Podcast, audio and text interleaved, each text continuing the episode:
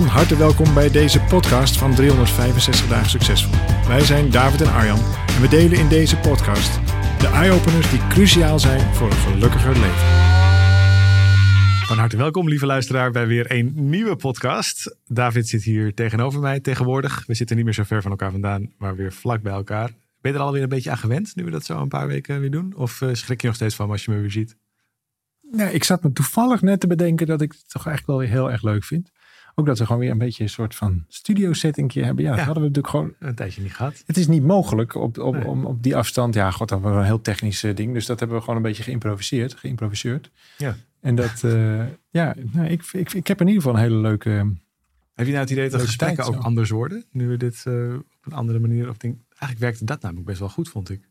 Ja, daar moest ik even aan wennen. Ook omdat er nu meer mensen in dezelfde ruimte zijn. Ja, Dus dan niet meer moet ik even- zeggen. nee. nee, nee. Nou, dat valt mee. Maar kijk, af en toe zo'n ontsnappertje. Dat Ah is ja, natuurlijk wat dat lastig. heb jij natuurlijk. ja. Nee, nee, het, het, eh, nee, ik vind het leuk. Absoluut. Jij? Ja, ik heb het naar mijn zin. En we hebben weer een leuke vraag gehad. Dat blijft toch wel echt leuk. Dus dank je wel als je eh, terugpraat. Dank je wel voor de reacties, voor de vragen. Maar ook weer de reacties op vragen. Ja, steeds meer mensen doen dat. En wat ik heel leuk vind om te zien, ook als je zelf misschien twijfelt of je je vraag moet insturen. Maar we krijgen natuurlijk vooral ook heel veel reacties van mensen die niet zelf de vraag hebben ingestuurd. Ook wel eens wel van de vraagsteller, maar ook van de mensen die dat niet hebben gedaan. Maar toch heel veel hebben gehad aan de vragen van anderen. Dus als je hier nou naar luistert en denkt bij jezelf: hé, hey, ik, ehm, ik loop ook al een tijdje met iets rond.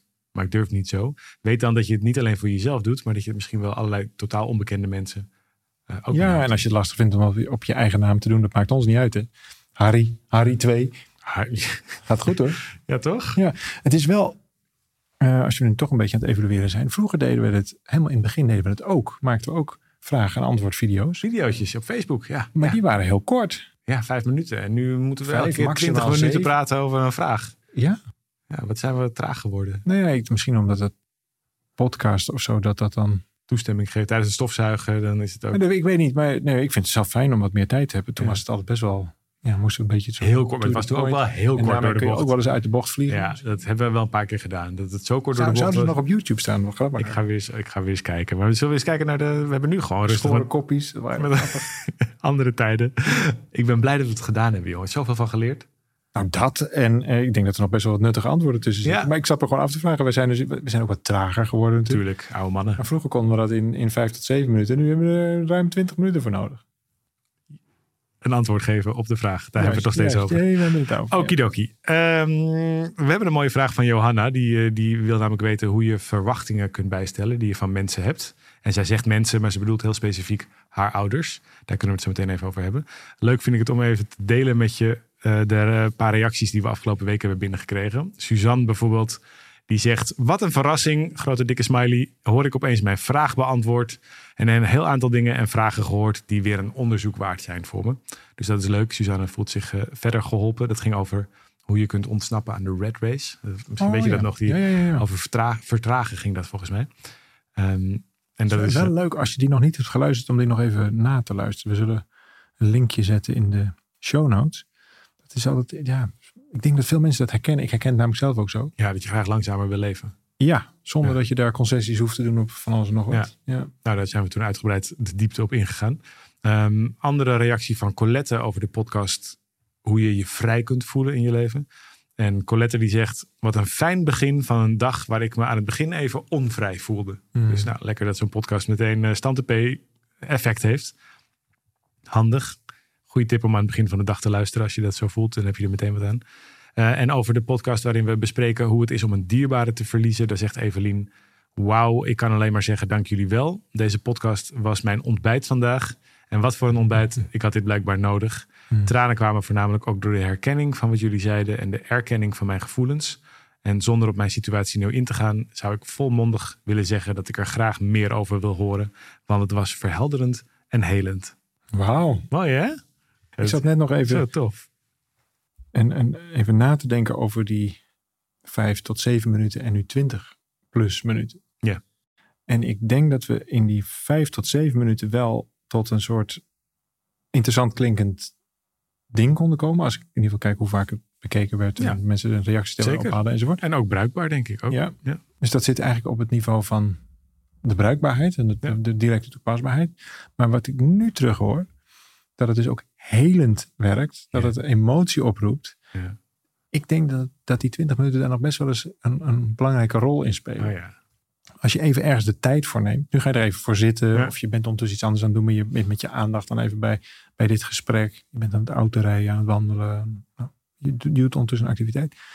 Dan heb je denk ik ook zelf wat meer eh, toegang tot je emotionele systeem. Het is gewoon, het heeft letterlijk gewoon wat meer tijd nodig om ook gewoon, hè, als je kijkt naar hersenfrequenties, om het ehm, om e- even uit die stress te raken. En even, ik vind het wel mooi als we een soort helend rustpunt kunnen zijn af en toe. Heerlijk toch? ja, dat is een lekker, lekker ja. compliment. Nou, fijn. Mooi om dat zo te kunnen doen. Nou, wie weet kunnen we dat ook voor Johanna doen. Want die heeft een vraag. Eh, zo te zien een worsteling. Maar ik wil het ook nog over de politiek hebben. Ja, heb je daar nog een idee bij? Wat, is, wat, wat zou je stemmen, Daf? Nou, dat is een eh, cliffhanger voor aan het eind. We moeten het wel over de politiek blijven. Maar goed, we, belangrijke mensen gaan voor. Heb je nog iets? Kan je, niet, je kan toch nu een mooie soundbite. Je hebt geoefend om dat in vijf minuten te doen. Iets bruikbaars te zeggen. Kan je niet iets interessants zeggen over wat je graag wil? Wat je graag wil dat mensen over nadenken als het over politiek gaat?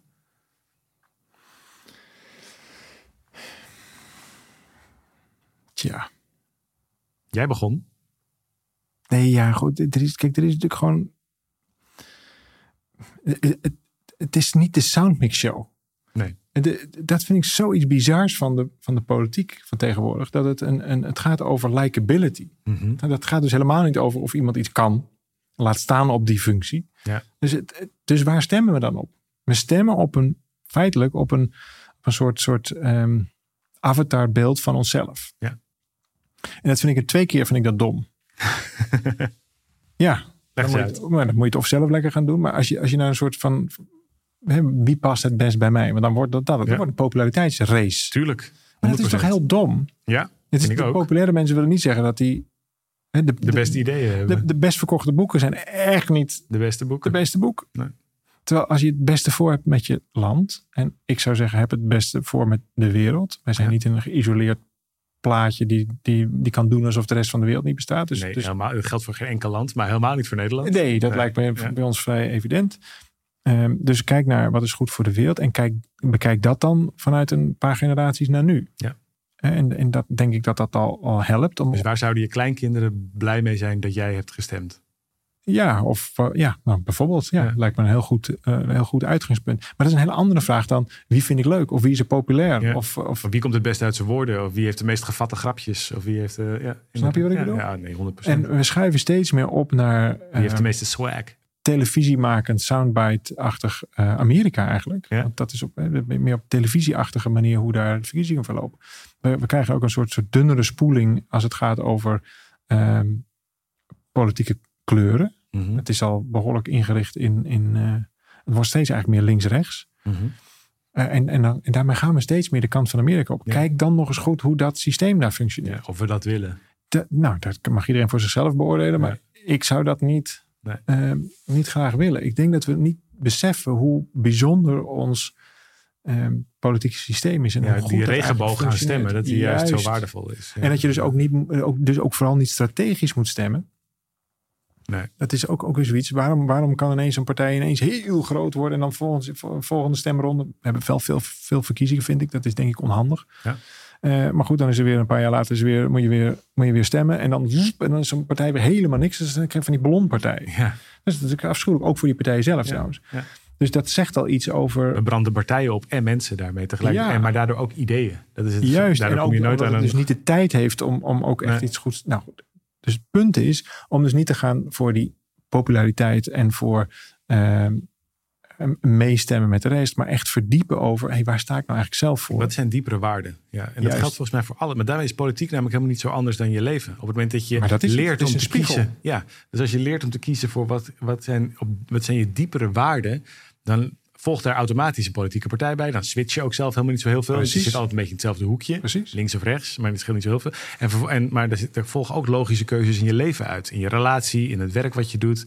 Dus dat is, op het moment dat je dat voor jezelf helder hebt, dan, dan is politiek ook logisch geworden. En heel veel kalmer, zou je kunnen zeggen. Misschien zit ik nu te denken, dit is wel heel wild proefballonnetje, maar goed. Misschien mag je alleen maar stemmen als je lid bent van een politieke partij. Oh ja, wat grappig. Dat je gewoon lid moet zijn. En dat Ja, je lid er is. zitten je wel wat nadelen aan een, aan een je- drempel verhogen natuurlijk. Eigenlijk wil je dat de drempel zo laag mogelijk is voor mensen. Maar ik snap wel wat het doet. Het dwingt Nou ja, af je dat je misschien wel committeert. appje kun je, weet ik, je moet dan heel makkelijk lid kunnen worden, maar Ja. dat kan volgens mij. Maar het gaat over, want wat, wat namelijk, ik, ik, ben, ik ben al jaren lid voor Partij voor de Dieren en, en ook heel actief eh, lid als het gaat over te pas en vooral te onpas roepen dat iedereen daar maar op moet stemmen. Maar goed, Oh ja, was me nog Eh, helemaal niet opgevallen. nee hè, maar, maar ik lees ook programma's, ik, eh, ik, ik, ik volg een eh, nieuwsbrieven, ik kijk eh, de Ja. video, nou, enzovoort. Dus ik ben daar heel geëngageerd eh, lid van. En toen- dacht ik, ik bedoel, niet iedereen hoeft het met mij eens te zijn. Daar gaat het helemaal niet over. Maar ik, focus dus op inspraak. Ik focus op wat, ze, wat hun bezig gaat. Ik ben helemaal niet bezig met wie de minister-president zou moeten. Weet je dat een minister-president in Nederland eigenlijk helemaal gekloten te vertellen heeft? Nee, ja, ja, dat hangt er vanaf hoe lang je er zit. In de meeste gevallen. Gewoon puur doordat de relaties veranderen onderling. Maar officieel heeft hij niet zoveel te zeggen. Nee. Het is de voorzitter van de ministerraad, maar daar houdt het gewoon mee op. Ja, dat is het. En, en alle ministers kunnen dat zelfstandig gewoon verder, gewoon verder uitvoeren. Dus we moeten daar ook niet zo'n populariteitswedstrijd van maken. Dat is dom. Dat is Ja, terwijl dom. wat jij zegt over dat ergens lid, en dan moeten we hier denk ik over ophouden naar de vraag van eh, Johanna gaan, maar dat lid worden als tussenstap. Ehm, de schrijver van The Second Mountain, dat is een boek wat ons wel Ja, belang- wat we belangrijk vinden, wat ons veel inspireert. aanrader. hè. David Brooks, die schrijft over dat je in het leven twee bergen beklimt. En de eerste berg is de berg van, je zou kunnen zeggen, status, ambitie, doelen halen. Eh, nou, die berg hebben wij ook beklommen. Zeker. Om vervolgens, als je bovenop staat, te ontdekken dat er nog een berg is. En Volgens die- mij zegt hij zelfs dat het onvermijdelijk is. Ja. Je, je kunt, Je kunt niet, niet- niet je- naar die- de tweede berg zonder de eerste berg te beklimmen. Onze maatschappij is ook heel erg ingericht op die eerste berg. Klopt. Het is ook zo'n opgejaagde maatschappij die vooral daarover gaat. Kom je vervolgens erachter dat er nog een tweede berg is. En die gaat veel meer over wat vind ik nou eigenlijk ten diepste belangrijk. In plaats van eh, zo hoort het, dit wordt er van me verwacht, dit heb ik te bewijzen. Het gaat veel meer over een diepere, diepere waarheid en een onderdeel zijn van het grotere geheel. En hij schrijft in zijn boek een aantal, nou je zou kunnen zeggen, ingrediënten of dingen die je nodig hebt om daar te komen. En een van de, van de grote pijlers waarop wat belangrijk is in die tweede berg is commitment. Hij zegt je ergens aan committeren. Dus bijvoorbeeld aan een, dat kan ook zijn aan een bepaalde filosofie of aan een bepaalde manier van leven of aan een bepaalde, of aan een bepaalde relatie die belangrijk voor je is. In plaats van dat je dat door de waan van de dag, door wie net even het snelst uit de hoek is gekomen, door wat er weer voor nieuws voorbij komt. En dat vinden we op een aantal plekken vinden we dit heel normaal om dit te doen. Dus bijvoorbeeld in je relatie maken we daar een hele ceremonie van, noemen we een huwelijk en dan is dat er. Maar het, zou, het is eigenlijk best wel interessant om te ontdekken op wat voor manieren ben ik op andere plekken in mijn leven gecommitteerd aan iets wat ik eigenlijk voorbij eh, mijn tijdelijke gevoel of voorbij mijn tijdelijke gebeurde trek. Maar wat ik zo belangrijk maak, dat ik me daar langere tijd, ook op momenten dat het oncomfortabel is, ook op momenten dat het tegen zit, dat ik me daar nog steeds bij blijf voelen.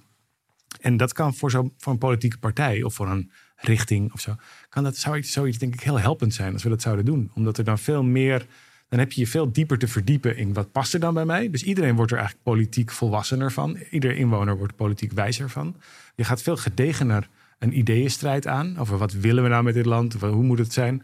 En je kunt ook volgens veel gedegener kiezen. En dat, en ik denk dat dat, dus dat commitment om, om vervolgens als onderdeel van die reis de tweede berg, wat, wat is de bedoeling van ons leven samen, wat doen we hier? Ik denk dat dat veel, ehm, veel meer rust en wijsheid zou toevoegen. Ik zit ineens te kijken nou, als je, als je naar de debatten kijkt of als je naar de, naar de politieke, hoe moet je dat zeggen, uitspraken en zo kijkt, dan kun je bijna ehm, personen op bergen plotten. Er zijn gewoon een paar roeptoeters die dat op de eerste berg doen. En je hebt er een paar die wat me- meer mijn voorkeur genieten, die dat vanaf de tweede berg doen. Die daar voorbij kijken. Ja. Nou ja, kijk, ik hoor maar. Er zijn een aantal mensen die dus juist gaan voor, voor hè, niet samen. Nee. Buiten, buitensluiten, noem het allemaal maar op. Ja. En er zijn er een aantal die heel erg gaan voor wel samen. Ja. En dan ook met alles samen, bijvoorbeeld. Ja. Hè, en, en zo zijn er nog wel meer van een paar, paar van dat soort kenmerken te noemen. Dus eh, ieder voor zich en God voor ons allen. Dat is duidelijk de eerste berg. Ja. Maar er zijn er ook een paar die het heel duidelijk, of vanuit allerlei verschillende invalshoeken, maar die dat heel duidelijk proberen te doen vanuit de tweede berg. Wonderlijk. En dan zie je eigenlijk ook die kloof. Ja, grappig. Goed, we dwalen wat Hier af. moeten we maar een het andere keer buiten de podcast over doordenken. Uitgebreid over hebben. Maar Johanna, lid worden van een, van een politieke partij als, als, eh, oplossing voor de. Nou, Ja, ik vind het leuk bedacht. Ja, het is, het is ik, ik ga een nog, eh, proefballonnetje. ja, een goed, leuk proefballonnetje hou ik van. Ehm, wel een beetje waan van de dag, maar toch een leuk proefballonnetje. Oké, de, de vraag van Johanna. Die zegt, hoe stel je nou de verwachtingen bij die je van mensen hebt? Zodat je niet meer de hele tijd teleurgesteld kan worden. Ik heb zelf een voorbeeld over mijn ouders, zegt ze. Ik zou het fijn vinden om emotionele steun van ze te ontvangen. Het is laatst uitgegaan met mijn vriend. En het enige appje dat ik kreeg was: Oh joh, wat akelig. Sterkte ermee. Zelfs van mijn schoonmoeder kreeg ik een langer bericht. Geen telefoontje, geen bezoekje, niks. Ehm, gelukkig wel van wat zussen en vrienden. En dit is niet de eerste keer dat het gebeurt. Ik vraag ze wel vaker om wat meer belangstelling, maar ze laten het er elke keer bij. En ik vind het lastig, want ik wil ze graag bij mijn leven betrekken. Ik zou graag meer troost, steun van ze krijgen. Maar ik ben nu geneigd om het maar te laten. Ik weet dat je van je ouders niks mag eisen, dat ze hun best doen. Meer kunnen ze niet doen, want dat hebben ze waarschijnlijk ook niet gekregen van hun ouders. Maar ik vind het zo lastig om die verwachtingen los te laten. Want mag ik dan niks verwachten? Is eigenlijk de vraag. Mag ik dan niks verwachten? Mag ik niet eens een beetje aandacht en steun verwachten? Ik voel me dan zo'n behoeftig kind dat desperate liefde en aandacht van de ouders wil, maar dat niet krijgt. Frustrerend, verdrietig. Zal ik dan de troost uit mezelf moeten halen om maar niet afhankelijk te zijn van anderen? Wat zijn onze gedachten daarover? Hm. Jeetje. Het, het, het klinkt. ehm, ik denk dat heel veel mensen het herkennen. Het klinkt heel eenzaam. Een beetje verdrietig ook. Ja. Ik kan me zelfs voorstellen, het hangt een beetje van je leeftijd af, maar dat het ook. Ja, dat weet ik niet van Johanna. Nee, dat je het zelfs als onvolwassen zou kunnen, kunnen zien. Mhm. Want je, je weet wel dat je het niet zou Je bent wat voorzichtig in je formulering. Nou ja, omdat ik gewoon ook respect heb voor de vraagsteller natuurlijk. Omdat ik het ook niet zo goed weet. En, en ik, deels herken ik het ook wel. Dus een, een, een zekere afstand tot, eh, tot leefwerelden. Dat, dat roept wel eh, mooie, diepe vragen op. Kijk, we hebben het hier al eens eerder over gehad, volgens mij een paar weken geleden, over wie is nou eigenlijk je leraar in het leven. En overduidelijk zijn hier hele mooie lessen te leren. Mhm. En de les, het antwoord van die les is overigens niet dat je het dan maar met jezelf moet uitzoeken. Dat je jezelf dan maar waardering moet geven. En dat is, daar kom je helemaal niet uit. Dat, is, dat werkt niet. En je hebt zelf iets nodig en dan zou je het jezelf moeten geven. En je kunt niet iets geven wat je niet hebt. Dus dat gaat niet. Maar we hebben het toen ook gehad over. Maar, jij bent ook leraar voor hun. Dus jij, je mag ook echt uitspreken van hé, hey, ik heb je nodig. Of ik vind het fijn als je er bent. Of iets dergelijks. Je mag jezelf echt laten horen. Het lijkt alsof je nog probeert te voegen naar het beeld wat ook. Het kind moet maar niet zeuren. Ja. Of hè, sterkte, zoek het maar uit. Dus je bent heel zelfstandig opgevoed. Nou, daar zit dan een randje eenzaamheid aan. Je bent ook hun leraar. Ja. Dus je mag ook prima laten zien hoe het is om je te verbinden. Lieve mam, lieve papa, ik heb je zo nodig. Ik heb er hartstikke verdriet van. Ik kom even bij je langs. Ja. Niet, niet het zeurende meisje wat dan in de hoek gaat hopen dat ze gered wordt. Daar hebben we het hier niet over. Nee. Dat is het onvolwassen stuk. Ik krijg ook nooit wat. Ik krijg nooit wat en je bent er nooit. Of ook niet in het verwijtende stuk. Dat is nog toxisch. Ja. Maar gewoon, joh, ik heb je zo nodig.